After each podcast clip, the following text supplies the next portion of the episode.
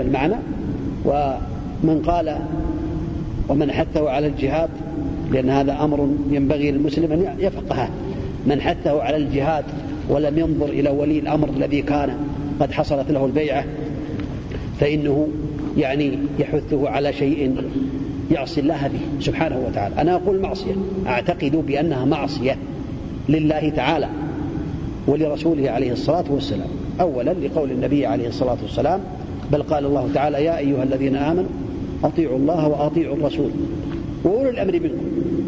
وقال النبي عليه الصلاة والسلام من أطاع أميري فقد أطاعني ومن عصى أميري فقد عصاني. أو كما قال النبي عليه الصلاة والسلام.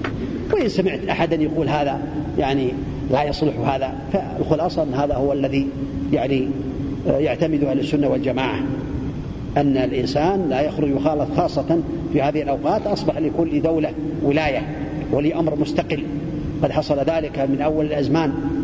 في عبد الله بن الزبير كان على مكة وغيره تقسمت الولايات فأصبح لكل جهة ولاية ولي أمر فإذا غلب ولي الأمر واستولى بكتاب الله وبسنة النبي عليه الصلاة والسلام وجب على من تحت يده طاعته. وهذا الإنسان عليه أن يتقي الله تعالى ويراقب الله تبارك وتعالى ولا ينجر مع بعض الناس عنده نية طيبة وعنده نية صالحة لكن لا فقه له ولا علم عنده. ما يعرف حديث النبي عليه الصلاة والسلام جاهل. ما يعرف حديث النبي عليه الصلاة والسلام ولا يعرف ما ذكر العلم عن الجهاد في سبيل الله. نعم. وعن ابي نعم. في كل الصلوات افضل الاعمال الصلاة في أول وقت. لا الصلوات تكون ذكر تقدم لأن صلاة يستثنى صلاة العشاء وصلاة الظهر.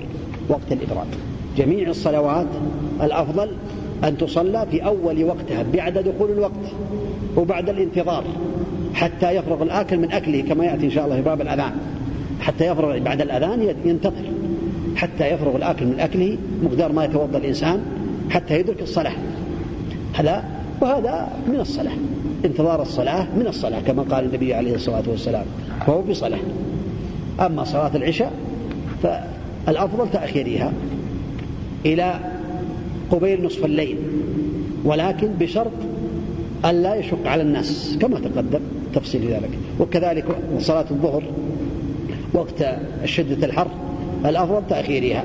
ما لم يشق على الناس أما بقية الأوقات فالأفضل أن تصلى في أول وقتها نعم. الله إليك. وعن أبي محذورة رضي الله تعالى عنه أن النبي صلى الله عليه وسلم قال أول الوقت رضوان الله وأوسطه رحمة الله وآخره عفو الله. أخرجه الدار قطني بسند ضعيف جدا وللترمذي من حديث ابن عمر رضي الله تعالى عنهما نحو دون الأوسط وهو ضعيف أيضا. كما قال المؤلف رحمه الله تعالى هذا حديث ضعيف لا يعتمد عليه فالصلاة موسعة. أول وقته هو الأفضل وإن صلى في الأوسط فلا بأس وإن صلى في آخر الوقت فلا بأس لكن الأول أول وقت أول هو الأفضل. أما الحديث فضعيف لا يحتج به وإن تكلم عنه بعض أهل العلم لكن الصواب أنه لا يثبت عن النبي عليه الصلاة والسلام كما قال الحافظ ابن حجر رحمه الله تعالى وهو من أئمة الحديث والجرح والتعديل رحمه الله تعالى فلا يعتمد عليه. نعم. وعن ابن عمر رضي الله تعالى عنهما أن رسول الله صلى الله عليه وسلم قال لا صلاة بعد الفجر إلا سجدتين أخرجه الخمسة الا النسائي. نعم. أخرجه الخمسة إلا النسائي وفي رواية عبد الرزاق لا صلاة بعد طلوع الفجر إلا إلا ركعتي الفجر ومثله للدار من حديث ابن عمرو بن العاص رضي الله تعالى عنهما. وهذا الحديث ظاهره بقوله لا صلاة بعد طلوع الفجر إلا ركعتين. منهم من قال بأنه بعد صلاة الفجر فيدخل في أحاديث النهي بعد صلاة الفجر. والصواب أنه قبل الفجر لقوله لا صلاة بعد طلوع الفجر إلا ركعتين أي ركعتي الفجر. فهذا وقت سادس كما ذكر صاحب سبل السلام رحمه الله الصنعاني. ذكر بأن هذا يكون من الأوقات المنهي عنها فتكون الأوقات المنهي عنها ستة. الخمسة المتقدمة وبعد طلوع الفجر إلا ركعتي الفجر. وهذا فيه من الفوائد أن الإنسان إذا دخل المسجد بعد صلاة بعد الأذان فإنه ليس له أن يصلي إلا ركعتي الفجر. بعض الناس يشاهد في بعض الأحياء أو بعض الأماكن إذا أذن المؤذن صلى تنفل صلى أربع ركعات ست ركعات وهم قليل لكن هذا وقت نهي إلا ركعتي الفجر التي هي خير من الدنيا وما فيها كما قال النبي عليه الصلاة والسلام ركعتي الفجر خير من الدنيا وما فيها. لكن ذكر بعض أهل العلم بأن الإنسان لو صلى في بيته سنة الفجر كان يكون إماما أو يكون غير إمام صلى. في بيته ثم أتى إلى المسجد ووجد الناس لم يصلوا ينتظروا الصلاة. قالوا فله أن يصلي ركعتين ركعتين تحية المسجد. كالأوقات عنها كما تقدم. نعم. هذا الحديث يدل على أن هناك وقت سادس من أوقات النهي وهو بعد طلوع الفجر وقبل الصلاة الفجر فلا يصلي إلا ركعتي الفجر أي سنة الفجر الراتبة. نعم. وعن أم سلمة رضي الله تعالى عنها قالت صلى رسول الله صلى الله عليه وسلم العصر ثم دخل بيتي فصلى ركعتين فسألته فقال شغلت عن ركعتين بعد الظهر فصليتهما الآن. فقلت أفنقضيهما إذا فاتتا؟ قال لا أخرجه أحمد. ولأبي داود عن عائشة رضي الله تعالى عنها بمعنى.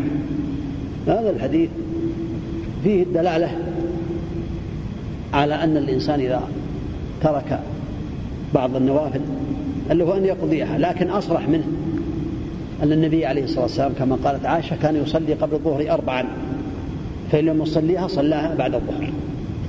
فالإنسان إذا فاته نافلة راتبة قبل الصلاة صلاة الظهر فإن له أن يعيدها أي يقضيها بعد صلاة الظهر. كذلك سنة الفجر يقضيها بعد الصلاة فإن لم يقضيها بعد الصلاة فبعد ارتفاع الشمس.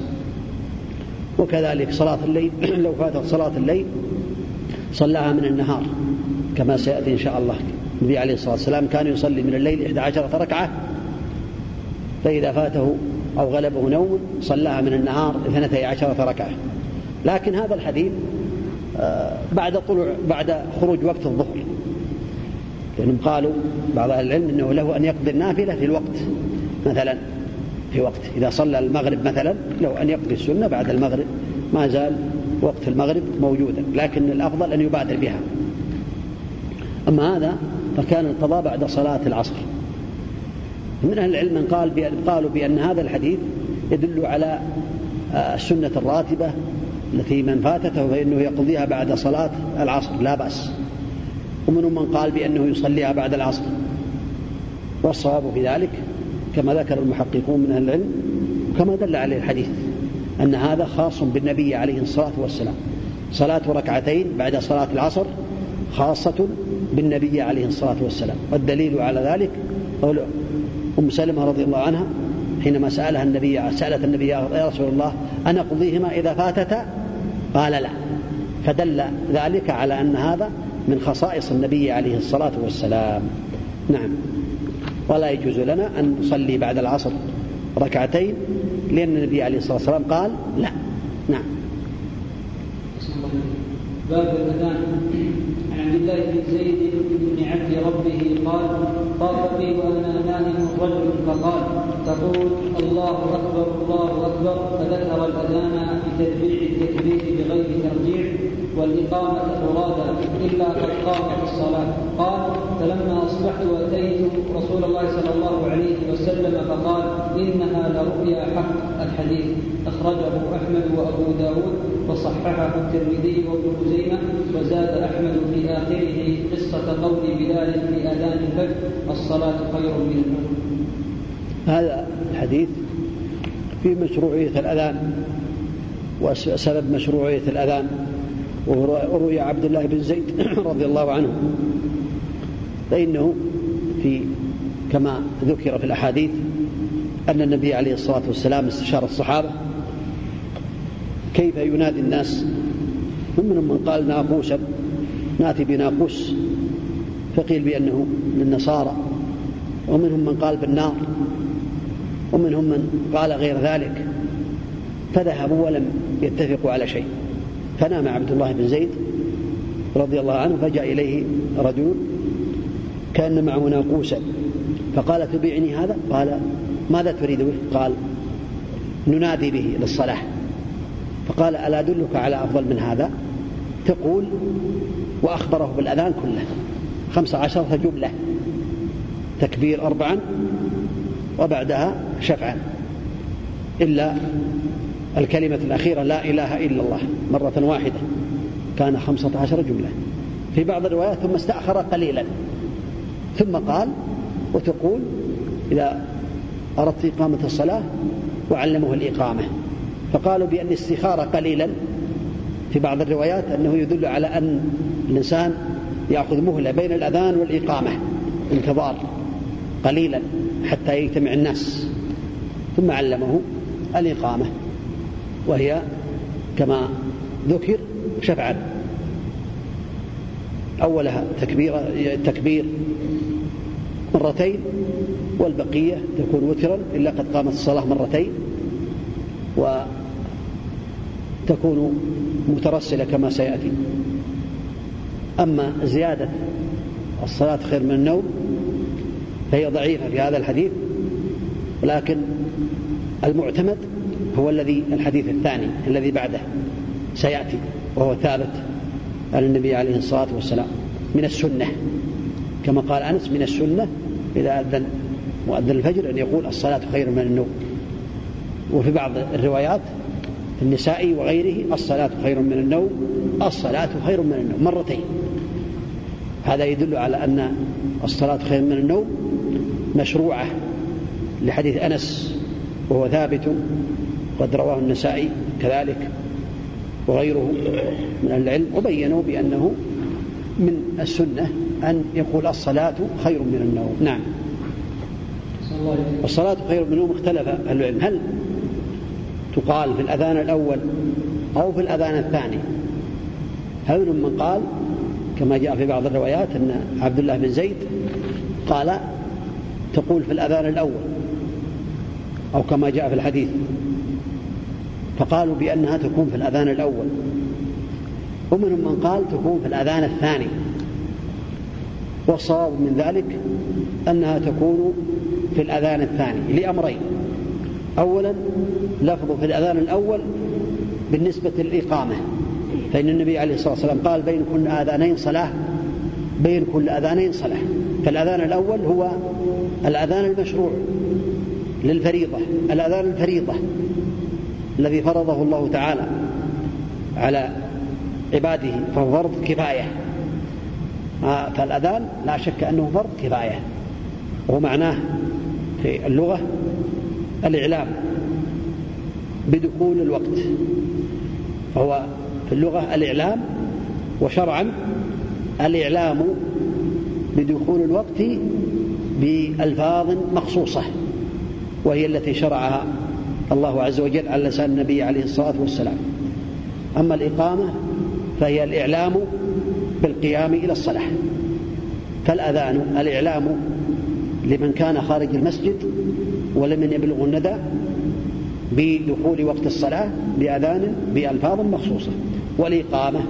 الإعلام لمن كان في المسجد ولمن يسمع المقيم بإقامة الصلاة والقيام إلى الصلاة بألفاظ مخصوصة وهو مشروع وهو في الحقيقة من شعائر الإسلام. فرض كفاية على المسلمين. إذا قام به من يكفي سقط الفرض عن الباقين. وإذا تركوه فإنهم يكونون قد تركوا هذا هذه الفريضة ويجب أن يقاتلوا حتى يرفعوا الأذان لأنه من فرائض الإسلام من أعظم شعائر الإسلام الأذان. نعم. فقالوا بأن الصلاة خير من النوم تكون في الأذان الثاني لأمرين. الأمر الأول لأن قول النبي عليه الصلاة والسلام بين كل أذان صلاة فهو في الأذان الأول. الأذان الأول بالنسبة للأذان الأول بالنسبة لأذان الفريضة. والأمر الثاني أن الأذان الأول الثاني هو الذي خير من النوم. يرحمك الله. الأذان الثاني هو خير من النوم. قد يكون الإنسان متعبا في أول الليل في آخر الليل ينام فقد يكون النوم خير من الصلاة في بعض الأحيان. ولهذا أمر النبي عليه الصلاة والسلام من نعس وهو يصلي أمره أن ينام. لكن أذان الفريضة هو خير من النوم. فالصواب أن الصلاة خير من النوم تقال في أذان الفريضة بالنسبة للفجر. نعم. هو اختيار شيخنا عبد العزيز بن باز رحمة الله عليه. يقول هذا الكلام وهذا التفصيل. رحمة الله عليه. نعم. ولابن خزيمة عن أنس رضي الله تعالى عنه قال من السنة إذا قال المؤذن في الفجر حي على الفلاح قال الصلاة خير من النوم. هذا من السنة ثابت يعني من السنة من سنة النبي عليه الصلاة والسلام. وثبت في النساء وقال الصلاة خير من النوم الصلاة خير من النوم مرتين. وفي غيره فهو ثابت عن النبي عليه الصلاة والسلام. نعم. وعن أبي محذورة رضي الله تعالى عنه أن النبي صلى الله عليه وسلم علمه الأذان فذكر فيه الترجيح أخرجه مسلم ولكن ذكر التكبير في أوله مرتين فقط. الخمسه فذكروه مربعا. الحديث أخرجه مسلم عبد الله بن زيد هو مؤذن النبي عليه الصلاة والسلام في مكة وبلال مؤذن النبي عليه الصلاة والسلام في المدينة النبوية وعبد الله بن زيد بعد فتح مكة كما يذكر أهل العلم أنه سمع بعض الشباب قد اجتمعوا ويستهزئون بالأذان يؤذنون استهزاء بأذان المسلمين. فسمع النبي عليه الصلاة والسلام أذانا جميلا مع هؤلاء فاستدعاهم النبي عليه الصلاة والسلام وسمع عرف وعلم بأنه يكون هو أبو محذورة فدعا له عليه الصلاة والسلام وأسلم وجعله مؤذنا في مكة. رضي الله عنه. هذا فيه من الفوائد اختيار الأذان المؤذن جميل الصوت لذيذ الصوت كما جاء في حديث بلال. ألقه إلى بلال حينما ألقاه عبد الله بن زيد سمعه فألقاه فقال ألقه إلى بلال فإنه أندى منك صوتا. هذا يدل على اختيار المؤذن جميل الصوت الذي قد يرفع الصوت ويستفيد الناس منه. فكان رضي الله عنه قد علمه النبي عليه الصلاة والسلام الترجيع في الأذان. قال مسلم رواه مرتين. ذكر التكبير مرتين في أول مسلم لكنه عند الخمسة. أهل السنن وأحمد أنه ذكره ذكروه بالتربيع. وهذا هو الصواب أنه يكون بالتربيع تربيع التكبير فلا يكون هناك فيه فرق بين بينه وبين أذان بلال أو حديث عبد الله بن زيد إلا الترجيع في أوله. والترجيع هو أن يعيد الص... يبدأ بالشهادتين بصوت خفي يسمع نفسه ومن حوله. ثم يعيد التكبير يعيد الشهادتين بصوت مرتفع. كان يقول أشهد أن لا إله إلا الله أشهد أن لا إله إلا الله أشهد أن محمد رسول الله. أشهد أن محمد رسول الله. أشهد أن لا إله إلا الله. أشهد أن لا إله إلا الله. أشهد أن محمدا رسول الله. أشهد أن محمدا رسول الله. هكذا يقول الشهادتين أولا سرا. بصوت منخفض منخفض يسمعه من حوله.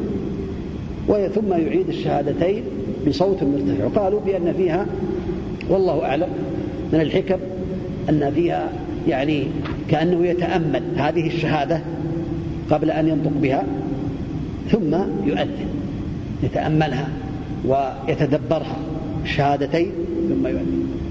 وهذه الترجيع ثابت. من قال بأنه ليس بثابت فالصواب في ذلك أنه من خلاف التنوع كاختلاف خلاف التنوع في التشهد خلاف التنوع في الاستفتاح وخلاف كخلاف التنوع كذلك في الأذان فالصواب أن الترجيع يكون مشروعا. لكن الأفضل من الترجيع الأفضل منه ما كان يؤذن به بين يدي رسول الله صلى الله عليه وسلم. فكان بلال رضي الله عنه يؤذن بدون ترجيع بين يدي النبي عليه الصلاة والسلام فهو الأفضل. لكن لا يعني ذلك أن الترجيع ليس مشروعا بل مشروعا وسنة. لكن الأمر في الأفضل فإن أذن أحيانا بالترجيع فلا بأس وكثيرا بدون ترجيع فلا بأس. وهذا هو الصواب في هذه المسألة أن الترجيع هو سنة علمه النبي عليه الصلاة والسلام أبا محذورة. نعم. الله وعن أنس رضي الله تعالى عنه قال أمر أمر أمر بلال أن يشفع الأذان شفعا ويؤثر الإقامة الا الإقامة يعني إلا قد قامت الصلاة. متفق عليه ولم يذكر مسلم الاستثناء وللنساء أمر النبي صلى الله عليه وسلم بلالا هذا يدل على أن النبي عليه الصلاة والسلام أمر بشفع الأذان شفعا وأن توتر الإقامة وترا فشفع الأذان اثنتين اثنتين. وكذلك التربيع في أوله هذا شفع. ينطبق عليه شفعا. لأنه أربع تكبيرات تكبيرتين تكبيرتين. ينطبق عليه شفعا. أما الإقامة فهي تكون وترا. إلا التكبير في الأول والله أعلم. هذا بالنسبة لأنه يكون وترا بالنسبة للتربيع.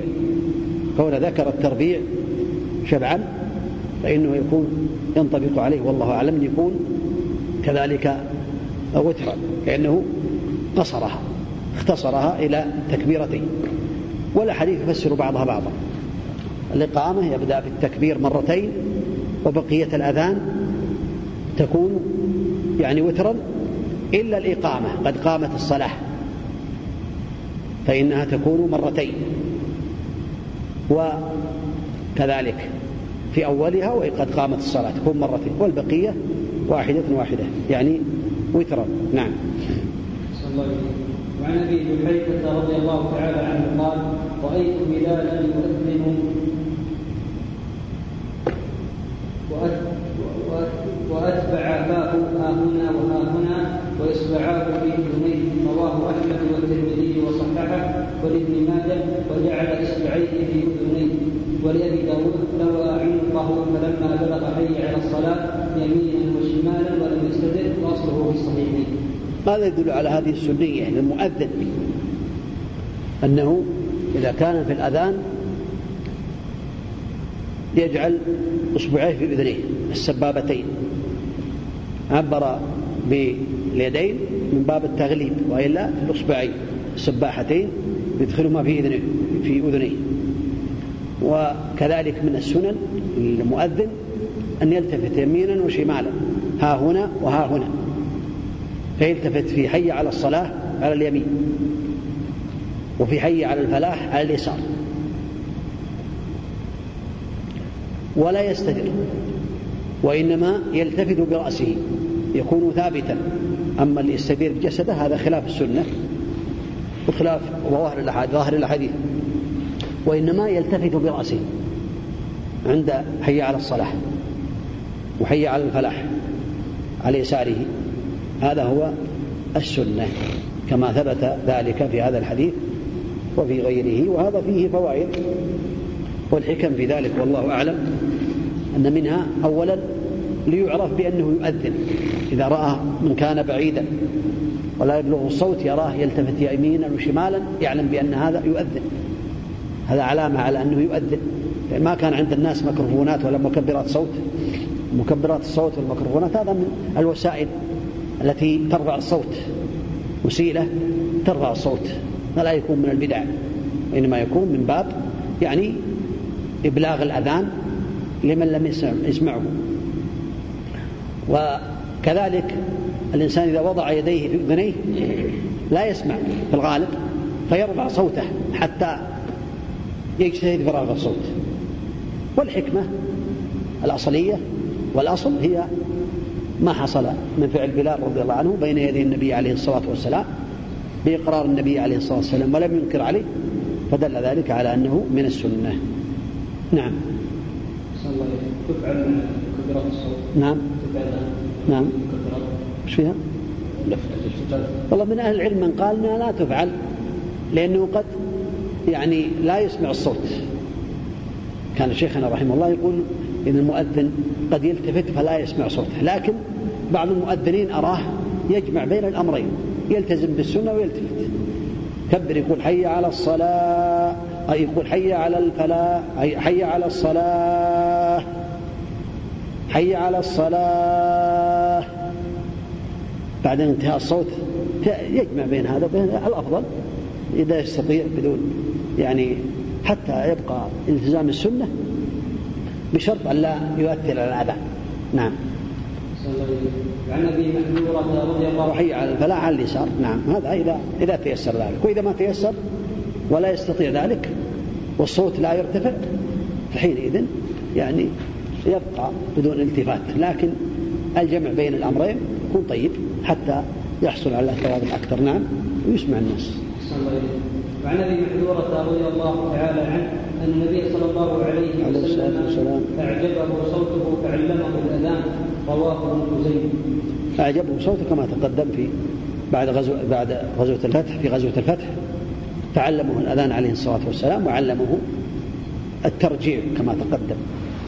نعم وجعله مؤذنا في مكة. رضي الله عنه وأرضاه. نعم. وعن جابر بن سمرة قال صليت مع النبي صلى الله عليه وسلم العيدين غير مرة ولا مرتين بغير أذان ولا إقامة. رواه مسلم ونحوه متفق عليه عن ابن عباس رضي الله تعالى عنهما وغيره. هذا يدل على أن العيدين لا أذان فيهما. الأذان شرع للفرائض الصلوات الخمس. ولم يشرع لغيرها من الصلوات لا صلاة الكسوف صلاة الكسوف كما يأتي الصلاة جامعة وصلاة الاستسقاء وصلاة العيدين لا أذان فيهما ولا إقامة ولا تشرع لا يشرع الأذان فيهما ولا الإقامة ولا يشرع كذلك الأذان للنساء. ليس لها أن تؤذن لا يشرع لها لا سرا ولا جهرا لأن النبي عليه الصلاة والسلام لم يشرع ذلك. نعم وعن أبي قتادة رضي الله تعالى عنه قال في الحديث الطويل في نومهم عن الصلاة ثم أذن بلال فصلى النبي صلى الله عليه وسلم كما كان يصنع كل يوم رواه مسلم. تقدم معنا بأن النبي عليه الصلاة والسلام نام في سفرة من السفرات وكانت صلاة الفجر فنام عليه الصلاة والسلام ولم يغضه إلا تكبير أبي بكر رضي الله عنه. فانتقل وصلى. هذا الحديث من هذاك الحديث. فيدل على أن الإنسان إذا نام عن الصلاة صلاها كما يصليها في وقتها. قال فصلى كما كان يصلي. يعني من أذانها وإقامتها وراتبتها قبلها. هذا هو الذي يدل عليه ظاهر الحديث. والمشروع له إذا نام في مكان أن ينتقل إلى غيره كما فعل النبي عليه الصلاة والسلام. فله أن يصليها كما يصليها في وقتها. فلو استيقظ بعد الفجر فإنه يصليها يؤذن. ما يؤذن في الميكروفون أمام الناس يؤذن أذان يسمعهم أن فاتت الصلاة. يؤذن ثم يصلي الراتبة ثم يصلي الفريضة ويكون جهرا.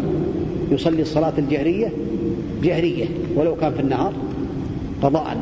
ويصلي الصلاة السرية سرية كما كان يصليها في وقتها. نعم.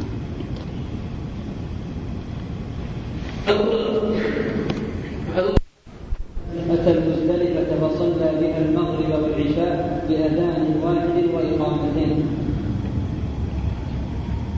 هذا الحديث يدل على أن النبي عليه الصلاة والسلام كان إذا كان في السفر جمع بين الصلاتين يؤذن المؤذن للصلاتين ثم يقيم لكل صلاة بأذان واحد وإقامتين. وكذلك لو نام عن صلوات ثلاث صلوات فإن الإنسان يؤذن أذان واحد ويقيم لكل صلاة إقامة. وهذا هو حديث جابر المعتمد عند أهل العلم بأنه عليه الصلاة والسلام أذن أو أذن بين يديه بأذان واحد وإقامتين. هذا هو المعتمد عند أهل العلم. نعم. وله عن ابن عمر رضي الله تعالى عنهما جمع النبي صلى الله عليه وسلم بين المغرب والعشاء بإقامة واحدة وزاد أبو داود لكل صلاة وفي رواية له ولم ينادي بواحدة منهما. هذا في رواية أبو داود تفسر يعني لكل صلاة. ويفسرها حديث جابر. حديث جابر مسلم والمعتمد وأن الإنسان إذا جمع بين الصلاتين فإنه يؤذن للأولى أذانا أذانا للصلاتين يكفيها أذانا واحدا أذان واحد ويقيم لكل صلاة. هذا هو المعتمد الثابت في الأحاديث الصحيحة في حديث جابر رضي الله عنه الذي وصف حجة النبي عليه الصلاة والسلام كما فعلها صلوات الله وسلامه عليه. نعم. وعن ابن عمر رضي الله عنهما وعائشة رضي الله عنها قال قال رسول الله صلى الله عليه وسلم إن بلالا يؤذن بليل وكلوا واشربوا حتى ينادي ابن أم مكتوم وكان رجلا أعمى لا ينادي حتى يقال له أصبحت أصبحت. متفق عليه وفي آخره إدراج هذا يدل على أن الفجر له أذانان. مشروعان. أذان سنة وأذان فريضة. فالأذان الأول قبل طلوع الفجر. هذا أذان السنة. كان يؤذنه بلال رضي الله عنه في زمن النبي عليه الصلاة والسلام. والأذان الثاني يكون بعد طلوع الفجر. الثاني. وتكلم أهل العلم على هذا. والصواب في ذلك أن الأذان الأول مشروع وسنة فعل في زمن النبي عليه الصلاة والسلام. ويدل هذا الحديث على فوائد منها جواز اتخاذ مؤذنين للمسجد. مؤذن يؤذن قبل طلوع الفجر ومؤذن يؤذن للفريضة حتى لا يشتبه الصوت على الناس. وكذلك لو أذن مؤذن كان المؤذن واحد لا بأس أن يؤذن الأذان الأول إن لم يكن هناك من يحتسب فالمؤذن يشرع له أن يؤذن الأذان الأول الذي هو قبل طلوع الفجر ويؤذن الأذان الثاني الذي هو للفريضة. يستفاد من هذا الحديث أن بين الأذانين وقت يسير. ما كان بين الأذانين إلا أن يبقى هذا وفي رواية يصعد هذا وينزل هذا. فدل ذلكم على أن الأذان الأول يكون قريبا من الثاني. وفيه فوائد. قرب الأذان الأول الذي قبل الفريق قبل الوقت فيه فوائد. إذا اقترب من الأذان الثاني. أولا لموافقة حديث النبي عليه الصلاة والسلام. قال ما كان بينهما إلا أن يلقى هذا وينزل هذا. ومنها أن الناس لو أذن قبل ساعة كما يفعل في بعض الأماكن أو أكثر من ساعة أن هذا يدعو إلى النوم. لو استيقظ ورأى بأن الوقت طويل لا يستفيد من هذا. لأن الحكمة في هذا كما جاء في الحديث الآخر ليوقظ نائمكم ويرجع قائمكم. الأذان الأول فيه حكمتان أو حكم كثيرة منها ليوقظ النائم. حتى يستيقظ وحتى يتأهب يغتسل.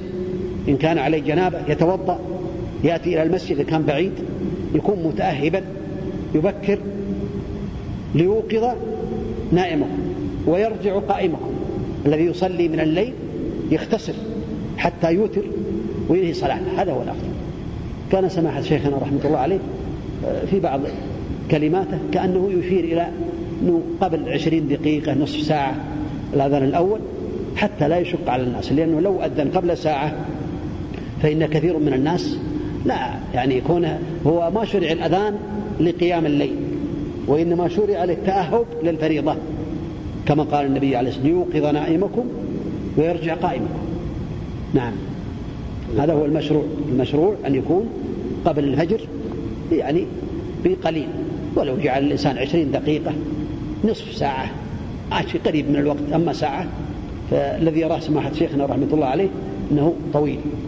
وخلاف الحديث خلاف ظاهر الحديث إنه قال ما كان بينهما إلا أن ينزل هذا ويرقى هذا ويصعد وينزل هذا أو يصعد هذا وينزل هذا. وكان ابن أم مكتوم أعمى رجل أعمى.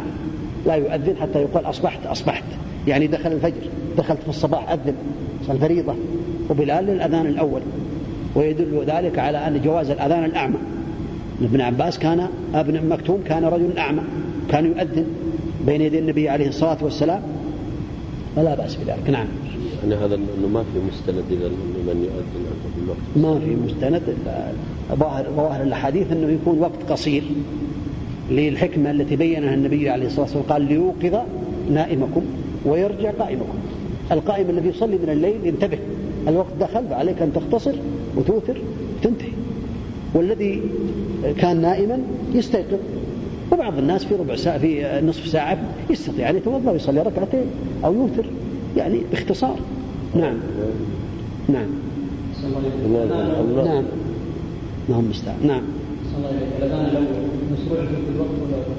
لا لا ظاهر ظاهر الحديث مشروع في كل وقت في رمضان وفي غير رمضان. لأنه ما ما قيد في رمضان. ما قال لا قال في الحكمة قال ليوقظ نائمكم ويرجع قائمكم.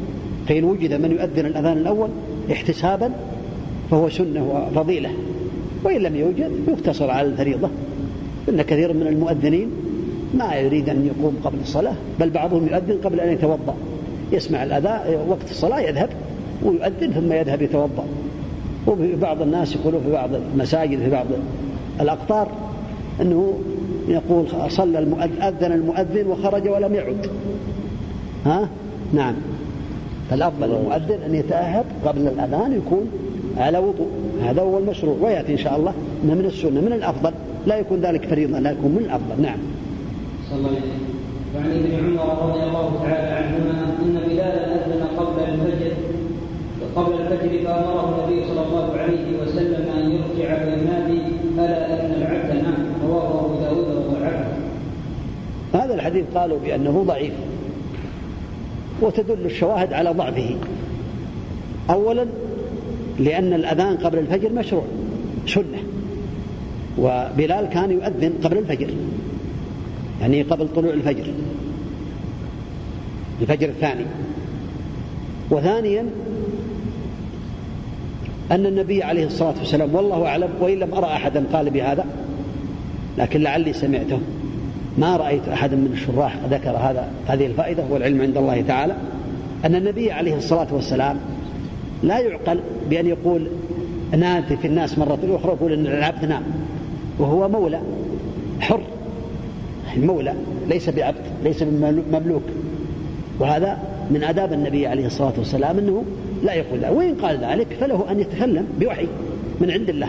لو قال ذلك وثبت ذلك عنه عليه الصلاة والسلام فلا حرج لأنه لا ينطق عن الهوى. إن هو إلا وحي يوحى كلفه الله. لكن ما دام الحديث ضعيف فلا ليس من يعني المعروف من آداب النبي عليه الصلاة والسلام أن يقول ارجع فنادي وقل ألا إن العبد نام. العبد. فالخلاصة أن أهل العلم قالوا بأنه حديث ضعيف ولا يعتمد عليه. أولا لأن حديث الأذان قبل الفجر مشروع وقد كان يؤذن بين يديه عليه الصلاة والسلام ثم يؤذن الفجر الثاني ابن أم مكتوم والأمر الثاني بأن النبي عليه الصلاة والسلام كان يعلم أصحابه صلوات الله وسلامه عليه. وكان صلوات الله وسلامه أحسن الناس خلقا. صلوات الله وسلامه عليه. نعم. الله وعن أبي سعيد الخدري رضي الله تعالى عنه قال قلنا قبل تجي بان الصلاة خير من النوم تكون في الأذان الثاني الذي هو أذان الفريضة. أذان الفريضة. أذان الفريضة. أما الأذان الأول الذي هو للتنبيه فليس فيه الصلاة. من أهل العلم من قال هذا؟ من العلم من قال بأن الصلاة خير من النوم تكون في الأذان الأول الذي قبل الصلاة. اختلف أهل العلم في هذا. لكن قالوا بأن الأفضل أن يكون في الثاني لأن الثاني هو الذي خير من النوم. نعم. ها؟ وهو الذي يعني يكون قبل الصلاة. نعم, وعن أبي سعيد الخدري رضي الله تعالى عنه قال قال رسول الله صلى الله عليه وسلم إذا سمعتم النداء فقولوا مثل ما يقول المؤذن متفق عليه وللبخاري عن معاوية رضي الله تعالى عنه هذا المشروع حينما يؤذن المؤذن أن يقول مثل ما يقول المؤذن. وباختصار ثبت للأذان في متابعة المؤذن خمس سنن ذكرها ابن القيم رحمة الله عليه خمس سنن لمتابعة المؤذن أول الأذان السنة الأولى أن يقول مثل ما يقول المؤذن مثل ما يقول المؤذن إلا بالحي العالتين حي على الصلاة حي على الفلاح فيقول لا حول ولا قوة إلا بالله. إذن إذا قال الله أكبر أنت تقول الله أكبر. إلى أن يقول حي على الصلاة تقول لا حول ولا قوة إلا بالله. حي على الفلاح تقول لا حول ولا قوة إلا بالله. هذا هذه السنة الأولى أن يقول مثل ما يقول المؤذن. حتى في الصلاة خير من النوم منهم من قال صدقت وبررت. لكن ذكر أهل العلم بأنه ضعيف. والصواب أن يكون يقول مثل ما يقول المؤذن الصلاة خير من النوم. لأنه قال فقول مثل ما يقول المؤذن. السنة الثانية عند الحي على عند الشهادتين حينما يقول المؤذن أشهد أن لا إله إلا الله أشهد أن لا إله إلا الله أشهد أن محمد رسول الله أشهد أن محمد رسول الله. أنت تتابع تقول مثل ما يقول. ثم تقول بعد الانتهاء وأنا أشهد أن لا إله إلا الله وحده لا شريك له وأشهد أن محمدا عبده ورسوله. رضيت بالله ربا وبالإسلام دينا وبمحمدا رسولا صلى الله عليه وسلم. هذا ثبت في مسلم أن من سمع المؤذن ثم قال وأنا أشهد أن لا إله إلا الله وأن محمدا عبده ورسوله. رضيت بالله ربا وبالإسلام دينا ومحمدا رسول صلى الله عليه وسلم. لغفر له ذنبه أو كما قال النبي عليه الصلاة والسلام. وهذا تقال بعد الشهادتين مع متابعة الأذان السنة الثانية أن الثالثة أن يصلي على النبي عليه الصلاة والسلام بعد الأذان فإذا قال المؤذن لا إله إلا الله وقلت لا إله إلا الله تقول تصلي على النبي عليه الصلاة والسلام. في الحديث الآخر قال إذا سمعتم المؤذن فقولوا مثل ما يقول ثم صلوا علي فإنه من صلى علي صلاة صلى الله عليه بها عشر. لأن هذه السنة الثانية بعد انتهاء المؤذن تصلي على النبي عليه الصلاة والسلام. والأفضل تقول اللهم صل على محمد وعلى آل محمد كما صليت على إبراهيم كما في التشهد. ويجزي أن تصلي عليه عليه الصلاة والسلام. بأي لفظ تصلي عليه؟ كما ينطبق على الحديث. فصلوا علي. فإنه من صلى علي صلاة صلى الله عليه بعشر.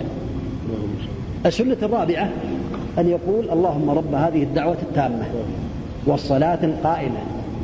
آت محمدا الوسيلة والفضيلة وابعثه مقاما محمودا الذي وعدته. زاد البيهقي إنك لا تخلف الميعاد. لا تخلف الميعاد منهم من قال بأنها ضعيفة لأنها ليست في الصحيح وراويها خالف الثقات ثقات. لكن ابن حجر رحمة الله عليه في مصطلح حديث وغيره من العلم والنووي رحمة الله عليه النووي كذلك وغيره والعراقي قالوا بأن زيادة الثقة مقبولة. ما لم تقع منافية لمن هو أوثق. فهي ما وقعت منافية هي زيادة في الذكر. قالوا بأنها زيادة ثقة ولو كان خفيف الضبط لكنها لا تنافي الأذان. ومنهم من قال بأنها صحيحة ثابتة. سمحت شيخنا رحمة الله عليه قال بأنها ثابتة. النبي عليه الصلاة والسلام وأنه لا بأس أن يقول اللهم رب هذه الدعوة التامة والصلاة القائمة. آت محمد الوسيلة والفضيلة وابعثه مقاما محمودا الذي وعدته. فإن زاد إنك لا تخلف الميعاد فلا بأس. السنة الخامسة يدعو بين الأذان والإقامة. لقول النبي عليه الصلاة والسلام الدعاء بين الأذان والإقامة لا يرد. هذه خمس سنن ينبغي للمسلم ألا تفوته. وكثير من الناس يكون من المحرومين. يسمع الأذان ولا يتابع الأذان قد ثبت عن النبي عليه الصلاة والسلام أنه قال إذا قال المؤذن الله أكبر الله أكبر فقال أحدكم الله أكبر الله أكبر. ثم قال حي على الصلاة؟ قال قال أشهد أن لا إله إلا الله قال أشهد أن لا إله إلا الله. فإذا قال أشهد أن محمد رسول الله قال أشهد أن محمد رسول الله. فإذا قال حي على الصلاة قال لا حول ولا قوة إلا بالله. فإذا قال حي على الفلاح قال لا حول ولا قوة إلا بالله. فإذا قال الله أكبر الله أكبر قال الله أكبر. الله أكبر فإذا قال لا إله إلا الله قال لا إله إلا الله من قلبه دخل الجنة. رواه مسلم. هذا كثير من الناس محروم هذا الخير. قال عليه الصلاة والسلام ثم قولوا مثل ثم قال قال ثم سألوا الله لي الوسيلة فإنها منزلة في الجنة. لا تنبغي إلا لعبد من عباد الله وأرجو أن أكون أنا هو في الوسيلة هي أعلى منزلة أعلى درجة في جنات النعيم في الفردوس الأعلى هي لمحمد بن عبد الله عليه الصلاة والسلام. فأنت تسأل الله له الوسيلة نعم. ولمسلم عن عمر رضي الله تعالى عنه في فضل القول كما يقول المؤذن كلمة كلمة. ارفع صوتك ارفع صوتك نعم. ولمسلم عن عمر رضي الله تعالى عنه في فضل القول كما يقول المؤذن كلمة كلمة سوى الفجعتين فيقول لا حول ولا قوة نعم. تقدم تقدم نعم. أبي العاص رضي الله تعالى عنه قال يا رسول الله اجعلني إمام قومي. فقال أنت إمامهم واقتدي بأضعفهم واتخذ مؤذنا لا يأخذ على اذانه أجرا. أخرجه الخمسة وحسنه الترمذي وصححه الحاكم. عثمان بن أبي العاص رضي الله عنه كان في وفد الطائف. وفد ثقيف إلى النبي عليه الصلاة والسلام كان شابا رضي الله عنه وأرضاه. فقال اجعلني إمام قومي. قال أنت إمامهم. واتخذ مؤذنا لا يتخذ على أذانه أجرا. أي أجرة. هذا يدل على أن المؤذن ينبغي له أن يحتسب. ويؤذن بدون أجرة. يؤذن لله بدون أجرة. أما ما يعطى من بيت مال المسلمين فذكر العلم بأنه لا يدخل في هذا. لأن هذا من آه، أرزاق بيت المال ولا يدخل في هذا. إذا كان هذا المال يأتي إليه عن طريق بيت المال المسلمين فلا يدخل في هذا النهي وإنما النهي يدخل فيه من يأخذ من الناس من المصلين ويؤذن بأجرة. هذا لا يؤخذ لا يجعل مؤذنا إلا عند الضرورة بحيث كل الناس تكاسلوا ولم يؤذنوا إلا بأجرة الأمر لله. هذا من باب الاضطرار. النبي عليه الصلاة والسلام بين بأنه ينبغي ألا يتخذ مؤذنا يتخذ على آذانه أجرا وإنما يحتسب ذلك على الله تعالى. نعم. وعثمان بن أبي عاص هو الذي أتى إلى النبي عليه الصلاة والسلام. قال يا رسول الله إن الشيطان حال بيني وبين صلاتي. هذا يشرع للمسلم إذا كان عنده كثير الوساوس يتفل عن يساره ثلاثة ويستعيذ بالله من الشيطان الرجيم. أما في المسجد لا يتفل على الناس. لكن لو كان يصلي وحده فإنه يتفل عن يساره ثلاثة ويستعيذ بالله من الشيطان الرجيم. نعم. في الصلاة وفي القراءة. نعم. وعن مالك بن الحويرث رضي الله تعالى عنه قال قال لنا رسول الله صلى الله عليه وسلم اذا حضرت الصلاه بارك بارك بارك الله فيك. نسأل الله عز وجل لنا ولكم النافع والعمل الصالح والتوفيق لما يحبه ويرضاه. وصلى الله وسلم وبارك على نبينا محمد وعلى آله وأصحابه أجمعين. والصلاه والسلام على رسول الله محمد بن عبد الله وعلى آله وصحبه ومن والاه. اللهم صل وسلم. اللهم اغفر لنا ولشيخنا وللحاضرين. برحمتك يا أرحم الراحمين. اما بعد. قال الامام ابن حجر رحمه الله تعالى في كتاب الصلاة عن مالك بن الحويرث رضي الله تعالى عنه قال قال لنا النبي صلى الله عليه وسلم إذا حضرت الصلاة فليؤذن لكم أحدكم الحديث. رجل السبعه بسم الله الرحمن الرحيم. الحمد لله رب العالمين. وصلى الله وسلم وبارك على نبينا محمد وعلى آله وأصحابه أجمعين. أما بعد هذا الحديث في تتميم أحاديث الأذان وأحكام الأذان وفيه فوائد هذا الحديث. منها أن المؤذن لا يشترط فيه أن يكون عنده صفات معينة ولا يكون الأكبر ولا الأصغر ولا الأعلم. لأنه قال فليؤذن لكم أحدكم. فدل على أن المؤذن إذا كان قد اكتملت شروط الأذان من وضوح الأذان ومن الثقة والأمانة أنه يكون أحد الناس سواء كان الأكبر أو الأصغر الأوسط هذا مما يدل عليه الحديث. ويدل على مشروعية الأذان وأن الأذان يشرع للجماعة ويشرع حتى للواحد. فلو كان هناك إنسان واحد في صحراء أو في مكان بعيد فإنه يشرع له أن يؤذن حتى ولو لم يكن له حتى ولو لم يكن إلا اثنان أو غير ذلك. هذا هو الذي دلت عليه الأحاديث عن النبي صلوات الله وسلامه عليه. ويدل الحديث على أن الأكبر والأعلم والأتقى هو الذي يصلي كما قال النبي عليه الصلاة والسلام. فيعني يؤم القوم أقرأهم لكتاب الله فإن كانوا في القراءة سواء فأعلمهم بالسنة فإن كانوا في السنة سواء فأكبرهم سنا في رواية أكبرهم سل سل سلما أقدمهم سلما فإن كانوا في السنة سواء فأقدمهم هجرة والأقدم هجرة هو الأكبر هو أقدم إسلاما وهكذا. لكن يشترط كذلك أن يكون يعني فقيها. لا يكون عنده يكون أقرأ ولكنه لا يفهم يعني آه، الفقه ولا يفهم أحكام الصلاة. لأن الصحابة رضي الله عنهم بالغالب وإن كان الأقرأ هو الأفقه. الأقرأ هو الأفقه.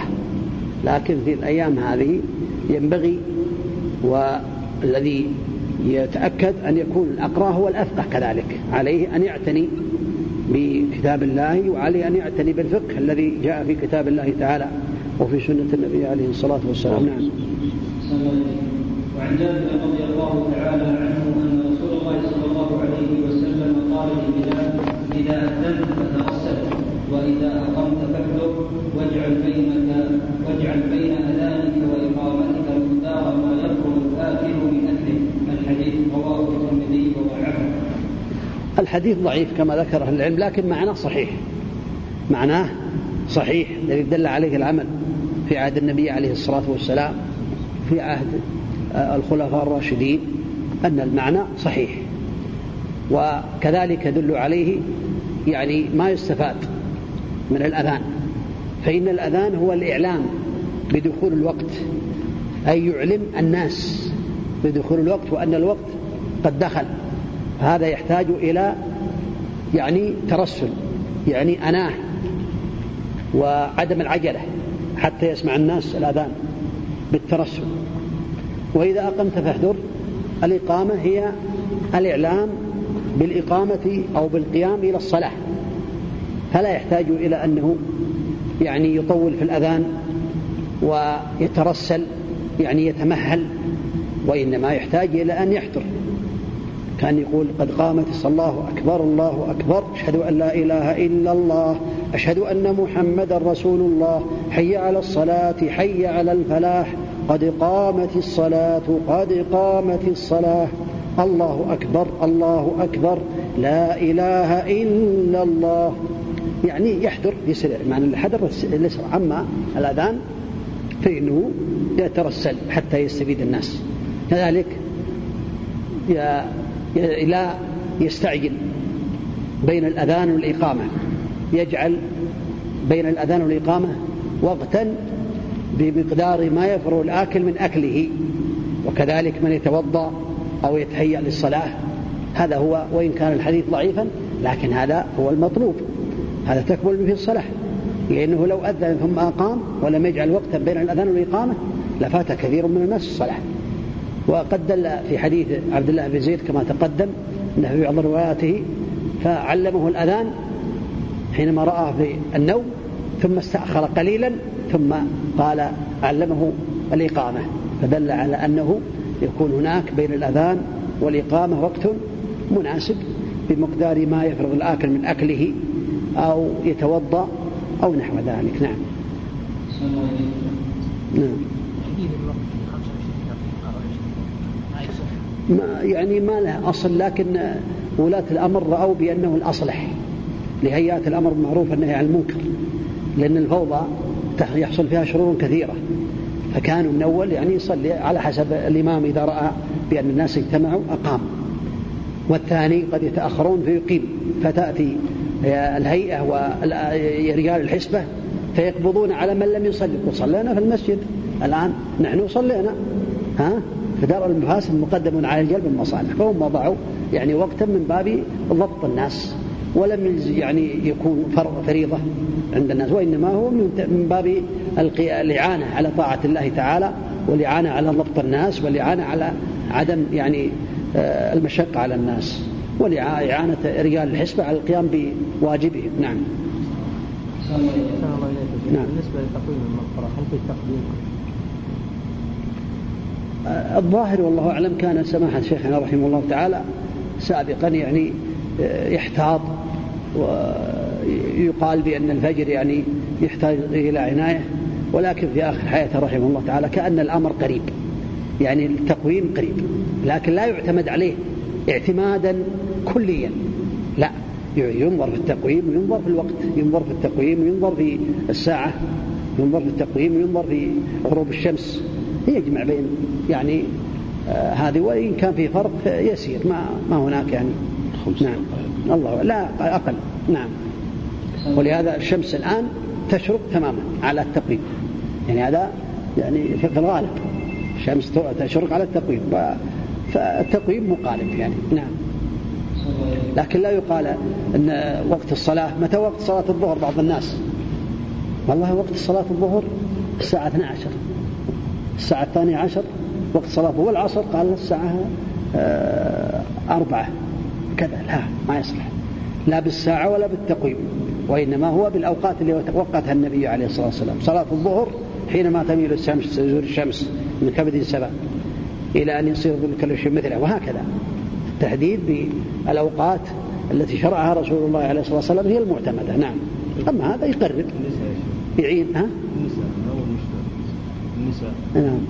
تسمع الأذان وتصلي لا ينبغي لها أن تتأنى. ينبغي لها أن تتأنى. سمعت الأذان تتوضأ وتسنن وتتأنى. قليلا حتى ما تخاطر يعني. نعم. خاصة خاصة الفجر نعم. نعم. وله عن أبي هريرة رضي الله تعالى عنه أن النبي صلى الله عليه وسلم قال لا يؤذن إلا متوضئ وضعفه أيضا هذا يدل على أن استحباب الطهارة للأذان. فالمؤذن يتوضأ وهو الأفضل. الحديث ضعيف لكن معناه صحيح. دلت الأحاديث الأخرى على أن الإنسان الأفضل له أن يتوضأ لذكر الله تعالى ويكون على طهارة سواء كان في قراءة القرآن عن ظهر قلب أما مس القرآن لا يمس إلا طاهر أو كان في ذكر الله تعالى أو كان في الأذان أو كان في غير ذلك من آه، أنواع الذكر لله تعالى ينبغي له أن يكون على طهارة هذا هو الأفضل. فإن أذن المؤذن وهو ليس متوضي فإنه في هذه الحالة أذانه صحيح ولا حرج عليه لكنه خالف الأفضل. فالأفضل أن يؤذن وهو قد توضأ حتى إذا انتهى من الأذان يجلس يصلى ركعتين إن لم يكن قد صلى ثم يذكر الله تعالى ويتأهب للصلاة. أما إذا أذن ثم خرج يتوضأ فقد يتأخر على الناس وقد يشق على الناس. نعم نعم. وله عن زياد بن حارث رضي الله تعالى عنه قال قال رسول الله صلى الله عليه وسلم ومن أذن فهو يقيم وضعفه أيضا ولابي داود من حديث عبد الله بن زيد أنه قال أنا رأيت يعني الاذان وأنا كنت اريد قال فاقم وفيه ضعف نعم. هذا كذلك. الحديث ضعيف بطريقي الحديثين ولكن المعنى صحيح. ليس كل ما يقال فيه ضعيف بأن معناه غير معمول به. فالحديث ضعيف لكن معناه صحيح. لأنه أقيم بين يدي النبي عليه الصلاة والسلام وعمل به بين يدي النبي عليه الصلاة والسلام. فمعمول به بين يدي النبي عليه الصلاة والسلام هو أن المؤذن هو الذي يقيم الصلاة ولا يقيم غيره. لكن لو أذن شخص وأقام آخر فلا حرج. لكن الأفضل كما تقدم الأفضل كما تقدم أن المؤذن هو الذي يقيم الصلاة إلا لعارض. فإن أقام غيره فلا حرج. الأذان صحيح والحمد لله. نعم. والحديث لا يعتمد عليه وإنما المعتمد على المعنى المعنى الصحيح وما عمل به بين يدي النبي عليه الصلاة والسلام. فإن بلالا كان يؤذن رضي الله عنه بين يدي النبي عليه الصلاة والسلام وهو الذي يقيم. نعم. أما قوله فأذن أنت فأقم أنت فالصواب أنه لا يصح. نعم. وعن أبي هريرة قال قال رسول الله صلى الله عليه وسلم المؤذن أمله بالأذان بالاقامه رواه ابن عدي وضعفه وللبيهقي نحوه عن علي رضي الله تعالى عنه من قوله وهذا الحديث ضعيف كذلك ولكن معناه صحيح المعنى صحيح والعمل عليه بين يدي النبي عليه الصلاة والسلام فإن المؤذن أملك بالأذان والإمام أملك بالإقامة بمعنى أن المؤذن لا ينتظر حتى يقول له الإمام أذن. لا المؤذن هو المسؤول عن الوقت. إذا دخل الوقت فإنه يؤذن. أما الإقامة فالمسؤول عنها هو الإمام هو الذي يأمر بالإقامة ويتفق هو الإمام على شيء. إما على أنه يخرج إذا رأيتني قد خرجت فأقم أو إذا رأيتني قمت فأقم أو على حسب الاتفاق بين المؤذن والإمام. والنبي عليه الصلاة والسلام قال إذا أقيمت الصلاة فلا تقوموا حتى تروني قد خرجت هذا يدل على أن المؤذن هو أملك بالإقامة بالأذان والإمام هو أملك بالإقامة. نعم. يعني الأملك يعني أولى والذي يأمر بذلك والذي يعتني بذلك والذي يقوم بذلك والذي يعني آه، يقدم ذلك هذا هو المؤذن هو الذي يؤذن في الوقت على حسب دخوله والمقيم آه، ووقت الإقامة هو الذي يأمر به الإمام. نعم. وعن أنس رضي الله تعالى عنه قال قال رسول الله صلى الله عليه وسلم لا يرد الدعاء بين الأذان والإقامة. رواه النسائي وصححه ابن خزيمة. هذا يدل على أن الأفضل أن يدعو الإنسان بين الأذان والإقامة كما تقدم باني قد قلت أن الوارد في حديث النبي عليه الصلاة والسلام لأذكار الأذان خمسة أنواع. ذكرتها سابقا ومنها من هذه الأنواع الخمسة أو هذا النوع الخامس هو الدعاء بين الأذان والإقامة. فإنه لا يرد لأن هذا وقت إجابة وقت إجابة الدعاء. الله عز وجل يستجيب الدعاء سبحانه وتعالى. لكن جعل أوقاتا شرعها على الإنسان النبي عليه الصلاة والسلام يعني حرية بالإجابة. أوقات الإجابة سماها العلم. من أوقات الإجابة وقت الأذان. ومن أوقات الإجابة بين الأذان والإقامة. ومن أوقات الإجابة الثلث الآخر من الليل. ومن أوقات الإجابة أدبار الصلوات المكتوبات. هذه من أوقات الإجابة. وكذلك يوم الجمعة ساعة الجمعة. قيل بأنها حينما يصعد الإمام على المنبر حتى تنتهي الصلاة. قيل بأنها بعد العصر وهو أولى. ولا مانع كما قال ابن القيم رحمه الله تعالى أن تكون يعني يعتني الناس بهذا الوقت وقت صعود الإمام لأن فيه فضل اجتماع الناس وتأمين الناس على الدعاء فهو وقت ينبغي أن يعتني به المسلم. وكذلك بعد العصر بعد عصر الجمعة إلى غروب الشمس هذه أوقات يستجاب فيها الدعاء. كذلك في أحوال أحوال يستجاب فيها الدعاء منها رقة القلب وحضور القلب بين يدي الله تعالى كذلك وقت السجود وحالة السجود. كما قال النبي عليه الصلاة والسلام أقرب ما يكون العبد من ربه وهو ساجد وهكذا فالخلاصة أن ينبغي للمسلم أن لا يحرم نفسه الخير. بين الأذان والإقامة يدعو. نعم. لكن هل الأفضل أنه بين الأذان والإقامة يقتصر على الذكر والدعاء أو يقرأ القرآن أو ينوع؟ قراءة القرآن هي من ذكر الله تعالى ومن الدعاء لكن كونه يدعو بعد الأذان بعد اللهم رب هذه الدعوة التامة والصلاة القائمة وآتي محمد الوسيلة والفضيلة وبعد مقام محمود ذكر هذا في الميعاد. هذا دعاء وإن دعا لنفسه ودعا لمن شاء أو لا حرج وقت وقت إجابة. وقت يجمع بين الخيرات لا يفوت هذا ولا يفوت هذا. يجمع بين قراءة القرآن وبين الدعاء وبين التسبيح وبين نعم. بالنسبة لرفع اليدين نعم. رفع اليدين لا بأس يرفع يديه في أي وقت إلا في الأوقات كما ذكر العلم أوقات أو أحوال ثلاثة. أحوال رفع فيها النبي عليه الصلاة والسلام كفيه. فنحن نرفع آه، أيدينا فيها. وأحوال لم يرفع فيها النبي عليه الصلاة والسلام وقد وجد سبب الرفع فلا نرفع. ومن هذا أو من هذا الذي قد وجد السبب الرفع أدوار الصلوات المكتوبات. فإن أدوار الصلوات المكتوبات وقت إجابة للدعاء. لكن لم يثبت على النبي عليه الصلاة والسلام والله مرة واحدة أنه رفع يديه بعد الفريضة. لأن بعد الفريضة في أذكار مشروعة شرعها النبي عليه الصلاة والسلام وكثيرة. وكل ما يرغب الإنسان في الخير في الدعاء يحفظ هذه الأذكار ويقولها بدون رفع الأيدي لأنه قد وجد سبب الرفع ولم يرفع يديه عليه الصلاة والسلام. كذلك في خطبة الجمعة وفي صلاة الاستسقاء وفي المواعظ إذا وعظ الإنسان فإنه لا يرفع يديه لأن النبي عليه الصلاة والسلام ما كان يرفع يديه عليه الصلاة والسلام في يعني في غير صلاة الاستسقاء. صلاة الاستسقاء فقط يعني خطبة الجمعة. خطبة العيد والخطب الأخرى والمواعظ. لا يرفع الإنسان يديه أثناء الدعاء. لا إماما ولا واعظا ولا مأمومين وإنما يكون في صلاة الاستسقاء فقط. صلاة الاستسقاء. فإن النبي عليه الصلاة والسلام ما كان يرفع يديه بشيء من دعائه أي في الخطب عليه الصلاة والسلام إلا في صلاة الاستسقاء. أو إذا أو إذا استغاث على المنبر. أو إذا استغاث استسقى في على المنبر.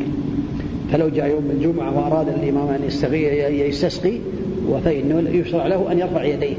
لأن النبي عليه الصلاة والسلام آه، قيل له كما سمعتم يا رسول الله هلكت الأموال وانقطعت السبل فادعوا الله أن يغيثنا. فرفع يديه قال اللهم اغثنا اللهم اغثنا اللهم اغثنا ثلاث مرات.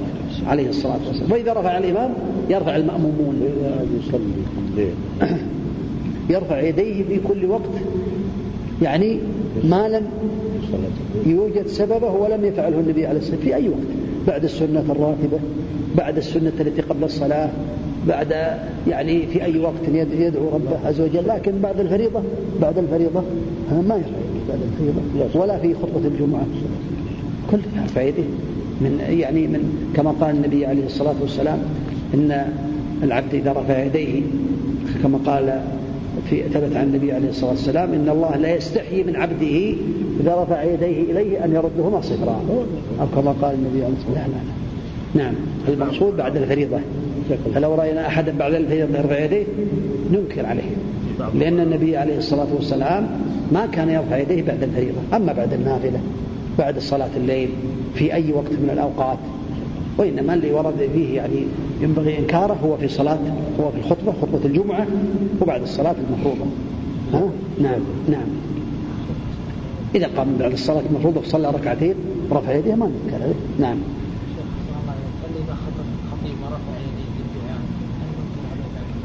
بعد بعد الجمعة.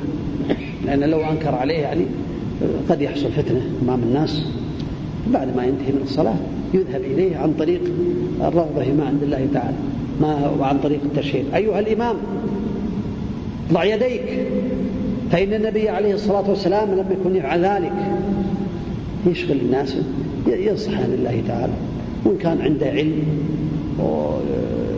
يبين للناس فيما بعد أو يطلب من الإمام البيان للناس لأن هذا ينبغي الإنسان أن يلتزم بأداب الأداب في التي شرعها النبي عليه الصلاة والسلام. نعم. وعن جابر رضي الله تعالى عنه أن رسول الله صلى الله عليه وسلم قال من قال حين يسمع النداء اللهم رب هذه الدعوة التامة والصلاة القائمه آت محمدا الوسيلة والفضيلة وابعثه مقاما محمودا الذي وعدته حلت له شفاعتي يوم القيامة. أخرجه عليه الصلاة والسلام. نعم. الصلاة. هذا كما تقدم أنه يشرع للإنسان أن يعمل أعمال خمسة. أذكارا خمسة شرعت في الأذان. أولها أن يقول مثل ما يقول المؤذن إلا في حي على الصلاة حي يقول لا حول ولا قوة إلا بالله.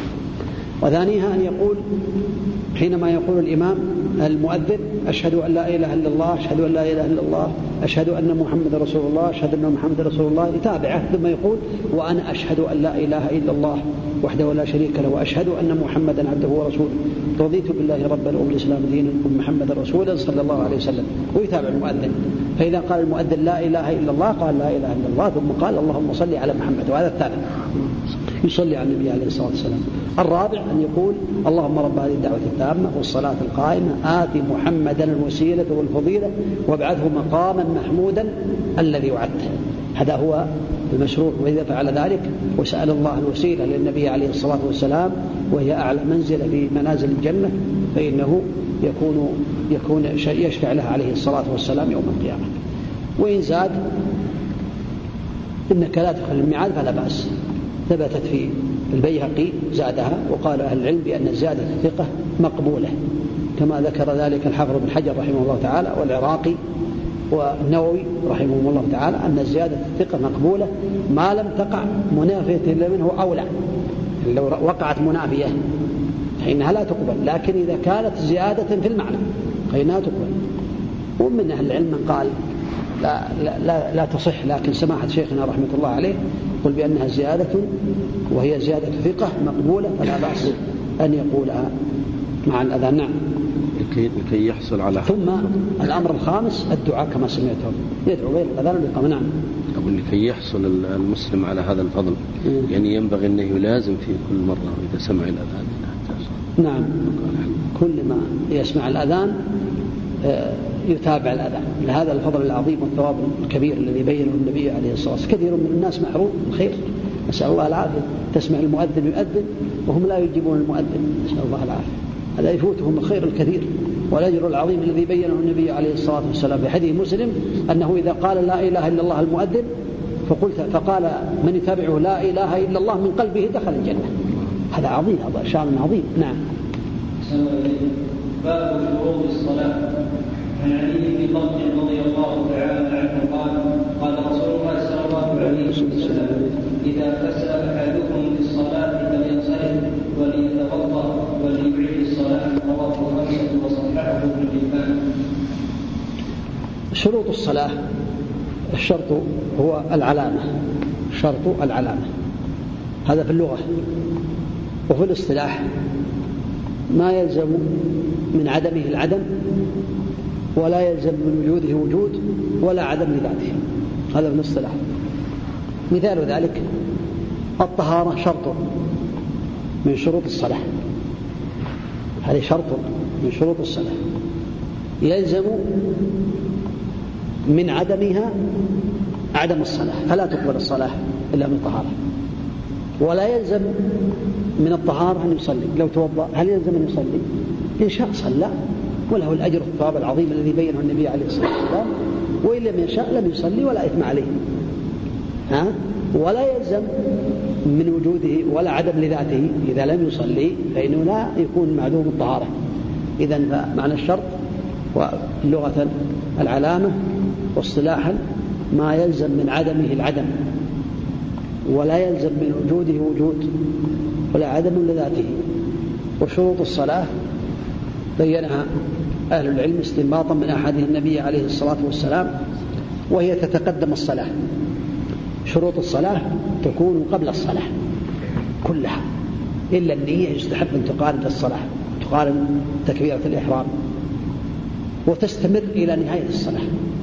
بخلاف الأركان فإنها تبدأ من أول الصلاة وتنتهي شيئا فشيئا حتى تنتهي الصلاة. هذا الفرق بين الأركان لو سئلت ما هو الفرق بين الركن؟ وبين الشرط تقول شروط الصلاة تتقدم الصلاة تكون مقدمة عليها والنية الأفضل أن تقارن تكبيرة الإحرام أو قبلها بقليل وتستمر هذه الشروط إلى نهاية الصلاة. أما أركان الصلاة فهي تبدأ من أول الصلاة وتنتهي بالصلاة وتنتهي شيئا فشيئا. فإذا مثلا كبر تكبيرة الإحرام تستمر إلى النهاية ركع الركعة الأولى انتهى الركوع انتهى الركن الأول في الركوع وهكذا. التشهد مثلا يعني آه الجلسة بين السجدتين آه في الركعة الركعتين الأوليين انتهى وهكذا حتى تنتهي الصلاة. وشروط الصلاة لا بد منها إلا لمن عجز عن ذلك. وهذا الحديث فيه الدلالة على أن الطهارة من الحدث الأصغر هو من شروط الصلاة كذلك والحدث الأكبر. وقد ثبت في الحديث عن أبي هريرة رضي الله عنه أن النبي عليه الصلاة والسلام قال لا يقبل الله صلاة بغير طهور. قال لا يقبل الله صلاة أحدكم إذا أحدث حتى يتوضأ. متفق على صحته لا يقبل الله صلاة أحدكم إذا أحدث حتى يتوضأ. وفي حديث عبد الله بن عمر رضي الله عنهما أن النبي عليه الصلاة والسلام قال لا تقبل صلاة بغير طهور ولا صدقة من غلو. رواه مسلم. دل ذلك على أن الطهارة شرط من شروط الصلاة لا تقبل إلا بها. وشروط الصلاة تسعة كما ذكر أهل العلم تسعة شروط. الإسلام والتمييز والعقل. هذه ثلاث شروط في كل عبادة بدنية. تكون في كل عبادة بدنية ثلاثة شروط. إلا الحج فإنه الصغير قد ينوي عنه وليه وهو مميز أو غير مميز. وكذلك فإن هذه تكون في كل عبادة الإسلام والعقل والتمييز. هذه ثلاث شروط في كل عبادة بدنية. وكذلك يلحق بها ستة شروط وهي كما يستنبط من الأحاديث ستر العورة واستقبال القبلة وكذلك رفع الحدث سواء كان أصغر أو أكبر وإزالة النجاسة من البقعة ومن البدن ومن الجسد أو من الثياب. وكذلك دخول الوقت فإنه من شروط الصلاة واستقبال القبلة والنية.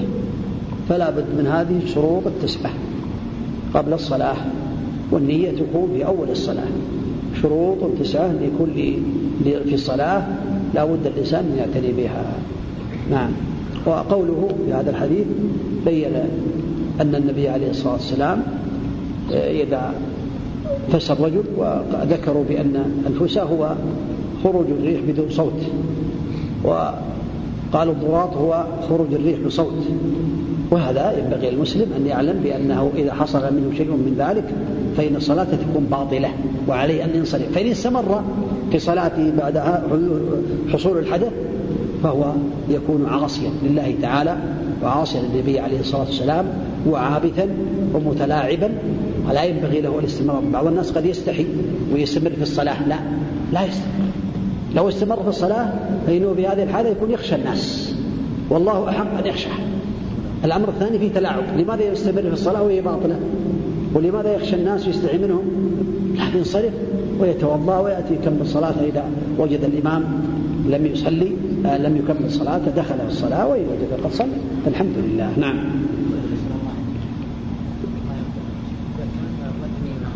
إذا كان إمام نعم. أحدث فلم يخرج. بعد الصلاة هذا يحصل على الإثم بينه وبين الله تعالى وعليه التوبة والاستغفار ويعيد صلاته وصلاة المأمومين صحيحة. صلاتهم صحيحة. كان ينبغي له إذا أحدث أن يتقدم يقدم من خلفه. ينظر إلى أعلم واحد وأفقه واحد من خلفه ويقدمه. يقدمه. نعم. وعن عائشة رضي الله تعالى أنا بلغني ثبت عندي بأن بعض الأئمة أحدث صلاة ما أحدث ترك الوضوء نسي وصلى حينما كان في دخل في الصلاة علم بأنه ليس على طهارة. فانصرف وقدم الذي خلفه. فالذي خلفه قال الله أكبر. قال ماذا من كبرت اجلس الله لا اجلس حتى توضأ. فإذا قدم فإنه لا يكبر. هو في الصلاة. فإذا كبر معناته قطع الصلاة ويبدأ الصلاة من جديد. نعم. نعم. ومن علم بحاله واستمر.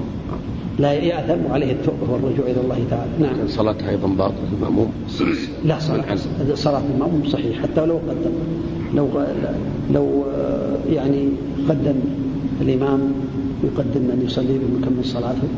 كذلك الإمام لو كان صلى على غير طهارة وعلم بعد الصلاة يعيد صلاته ولا يخبر المأموم على طهارة. نعم. صلاتهم صحيحة. نعم.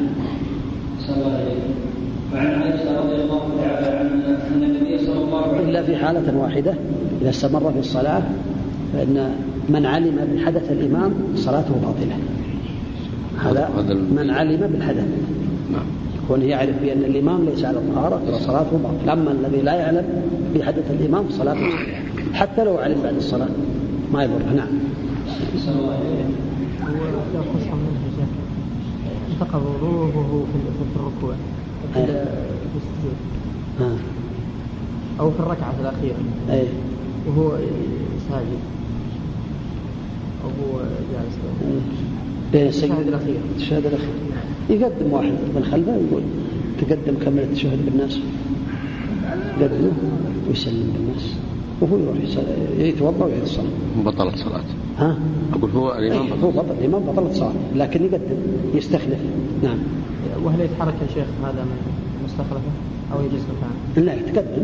لا بأس ينهض. يا شيخ؟ ينهض. والله هذا هذه امور يعني آه، إذا حصلت لكن آه، إذا حصل مثل هذا يتقدم. يعني يتقدم. ويسلمه مكانه لا حرج. لكن الافضل يتقدم طبعا قليلا. يتقدم يتقدم ويكمل التشهد ويسلم. نعم. وعن عائشة رضي الله تعالى عنها أن النبي صلى الله عليه وسلم عليه قال الصلاة والسلام. لا يقبل الله صلاة حائض إلا بإمام رواه الخمسة إلا النسائي وصححه ابن خزيمة. وهذا الحديث يدل على شرط شروط الصلاة بالنسبة للمرأة أنها يعني ستر العورة.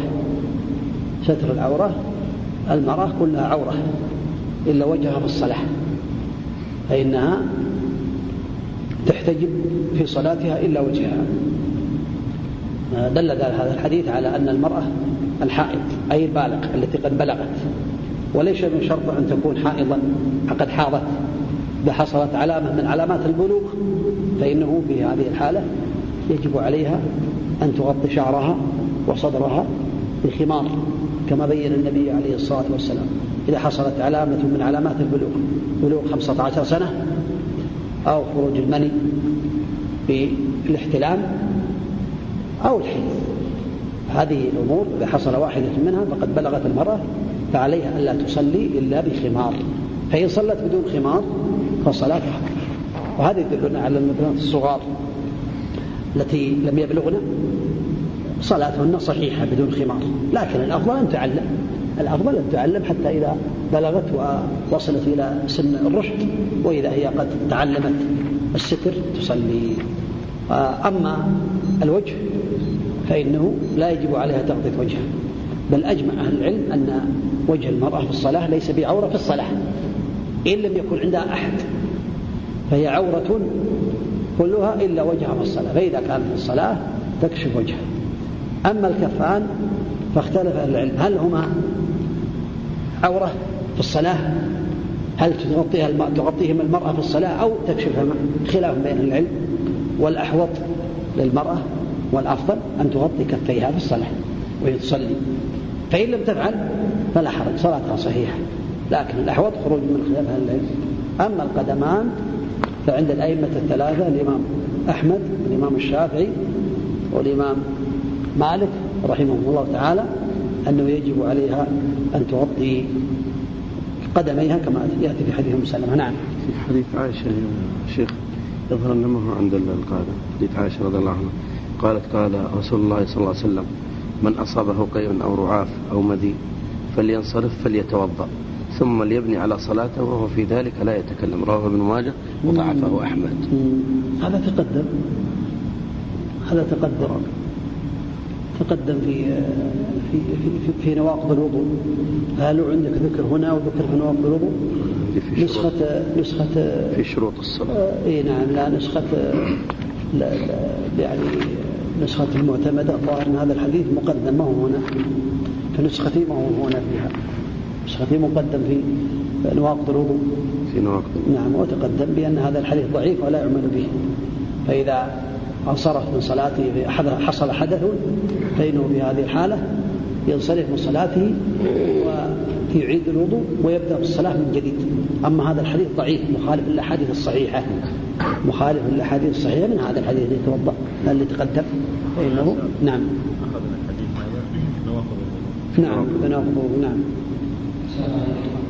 نعم إذا سقط الخمار من المرأة نسخة الفقه ما هو فيها مكتوب في على تعليق الفقه. مه. ليس في هذا الموضوع وإنما هو في يعني نواقض الوضوء نعم. إيه. صلاة. ما تبطل صلاتها. ربنا لا تؤاخذنا نسينا وأخطأنا. تعيد الخمار. كما لو سقط شيء من الإنسان وهو يعني في صلاته بدون تعمد ما تعمد لا يكلف الله نفسا إلا وسعها. نعم.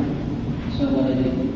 وعن جابر رضي الله تعالى عنه أن النبي صلى الله عليه وسلم قال له السلام. كان الثوب واسعا في يعني في الصلاة ولمسلم فخالف بين طرفيه وإن كان ضيقا فاتزل به متفق عليه.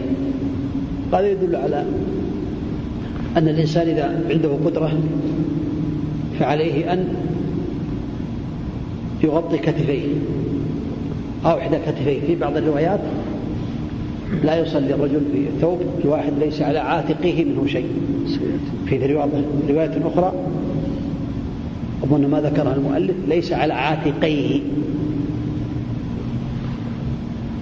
وهذا الحديث يدل على أن الإنسان إذا عنده قدرة فإنه يصلي في إزار ورداء. والثوب هو قطعة واحدة. ثوب قطعة واحدة. يكون على أسفل الجسم أو يكون على أعلاه فإن كان على أسفل الجسم يقال له إزار.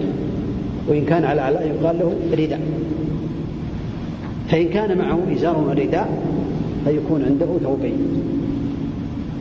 القميص هذا الذي نلبسه الآن هذا يعتبر عن ثوبين. يعتبر عن ثوبين. إزار ورداء فالمقصود من هذا الحديث أن النبي عليه الصلاة والسلام بين بأن الرجل إذا كان عنده ثوبا واسعا فإنه يستطيع أن يخالف بين طرفيه يجعل طرف على العاتق وطرف على العاتق فيكون بهذا قد غطى كتفيه وغطى عورته واكتمل الستر. وإن كان ضيقا صغيرا ما ليس واسعا فإنه يتزل به. يعني أسفل الجسم أولى من أعلاه بالستر يجعله إزارا من السرة إلى فما أسفل. هذا هو المقصود من الحديث وهذا يدل على أن تغطية الكتفين أو إحدى العاتقين ينبغي للمسلم إذا استطاع ذلك. أما إذا لم يستطع فالحمد لله تسقط عليه لأن عورة الرجل من السرة إلى الركبة عند عدم الاستطاعة. أما إذا كان عنده قدرة فلا بد أن يغطي عاتقيه. في بعض الروايات يقول عاتقيه بعضها يقول عاتقه.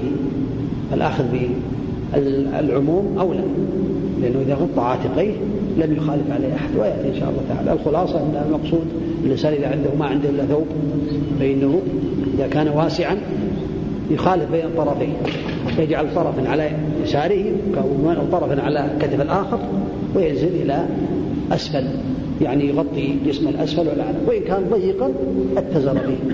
كالإحرام الإحرام يقال له فإذا كان عنده إحرام كبير ويستطيع وليس عنده وهو محرم وليس عنده كذلك ما عنده رداء فإنه في هذه الحالة يخالف بين الطرفين على كتفيه يضم عورته خاصة إذا كان صغير أو الإحرام كبير يكفي. أما إذا كان رجل كبيرا ولا يستطيع ولا يجد إحرام آخر ولا يجد ثوبا آخر يغطي كتفيه فإنه في هذه الحالة يتزر به ويجعله إزارا نعم. لكن هل يجتهد ويبحث عن عن الرداء؟ نعم. إذا يستطيع إذا يستطيع. عند إذا كان يجد عند زملائه عند يعني رفقائه عند شيء نعم. وعليه المسلم أن يتأهب يتأهب بعض الناس الآن يصلي في الإحرام يترك الإحرام أو يترك بعض عاتقيه. مكشوفا والنبي عليه الصلاة والسلام حينما طاف بالبيت كان مرتبعا قبل أن يصلي ركعتين عليه الصلاة والسلام جعل رداء على كتفيه. نعم. ولكم من حديث أبي هريرة رضي الله تعالى عنه لا يصلي أحدكم في الثوب الواحد ليس على عاتقه من شيء. هذا يدل على النهي أنه ينهى أن يصلي الإنسان في الثوب الواحد ليس على عاتقه من شيء. والثوب الواحد كما سمعتم هو القطعة الواحدة التي تغطي على الجسد أو تغطي أسفله. إذا كان واسعا فإنه يجعله على عاتقيه. قال عاتقه في بعض الروايات الأخرى عاتقيه. يعني اثنين والعاتق هو ما كان بين الكتف وما كان بين الرقبة. هذا يقال العاتق. فلا بد من تغطيته عند القدرة أما إذا كان وهذا الظاهر والله أعلم اختلف العلم. هل يكون شرط أو لا يكون شرط؟ الستر والظاهر أنه شرط عند القدرة فإذا غطى كتفيه لم يغطي كتفه يعني عاتقه متعمدا وهو قادر على ذلك فإنه يعيد الصلاة يعيد الصلاة لأنه ترك شرطا من شروطها وهو أمر النبي عليه الصلاة والسلام والنهي يقتضي الفساد. نعم. أما إذا كان عاجزا عن ذلك ما يقدر على ذلك. فإن بعض الشباب يتعمد الآن بأنه يأتي بعلاق أو ملابس مكشوفة العاتقين.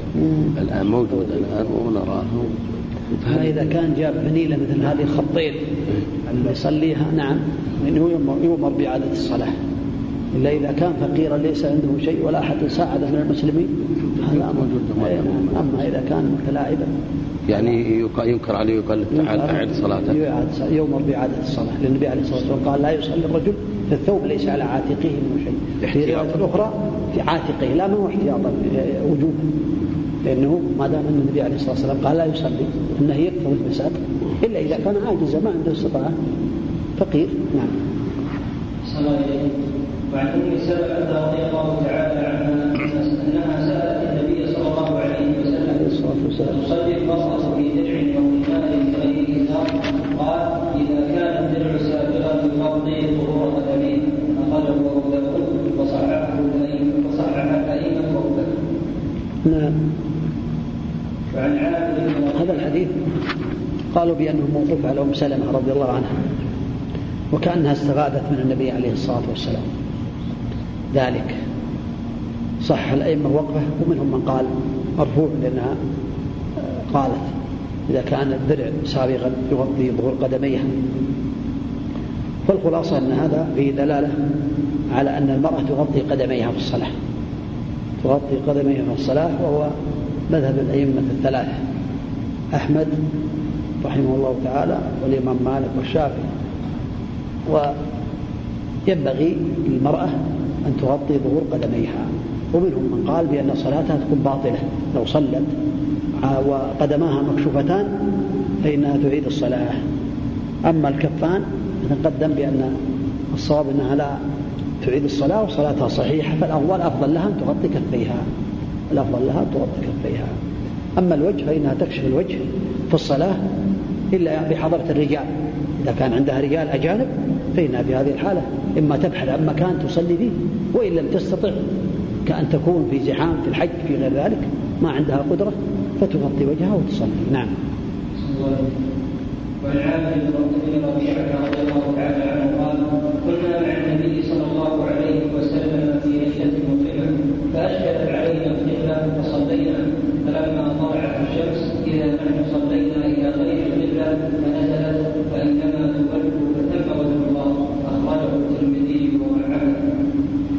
هذا الحديث صعب أنه ضعيف لكن معناه صحيح والعمل على المعنى عند أهل العلم لأن الله يقول فاتقوا الله ما استطعتم لا يكلف الله نفسا إلا وسعها. الإنسان إذا كان في البرية في الصحراء لا يدري عن اتجاه القبلة وهو شرط من شروط الصلاة استقبال القبلة. فإن المسافر إذا كان في السفر في هذه الحالة ولم يعرف القبلة يجتهد. وينظر جهة القبلة إما بالبوصلة إذا كان عنده بوصلة وإما بالساعة الموجودة الآن ساعة العصر كما يقولون أو غيرها من الساعات هناك ساعات تحدد جهة القبلة. هناك أي أجهزة تحدد جهة القبلة في أي مكان أنت. بل هناك أجهزة لو جلست في أي مكان من الصح من الدنيا وحددت مكانك فإنك ترجع إلى هذا المكان بعد ولو بعد عشر سنين. ها؟ فالإنسان إذا كان عنده أجهزة يستعين بها بالله تعالى ثم بها وإن لم يكن عنده شيء اجتهد نظر إلى النجوم نظر إلى القمر نظر إلى الأرض إذا كان يعرف الأرض. اجتهد. نظر إلى المحاريب إذا كان في مساجد عنده قريب منه. وإذا ما استطاع ما وجد شيء ولا اتضح له شيء اجتهد ثم صلى. فإن بان بأنه اتضح بأنه صلى إلى غير القبلة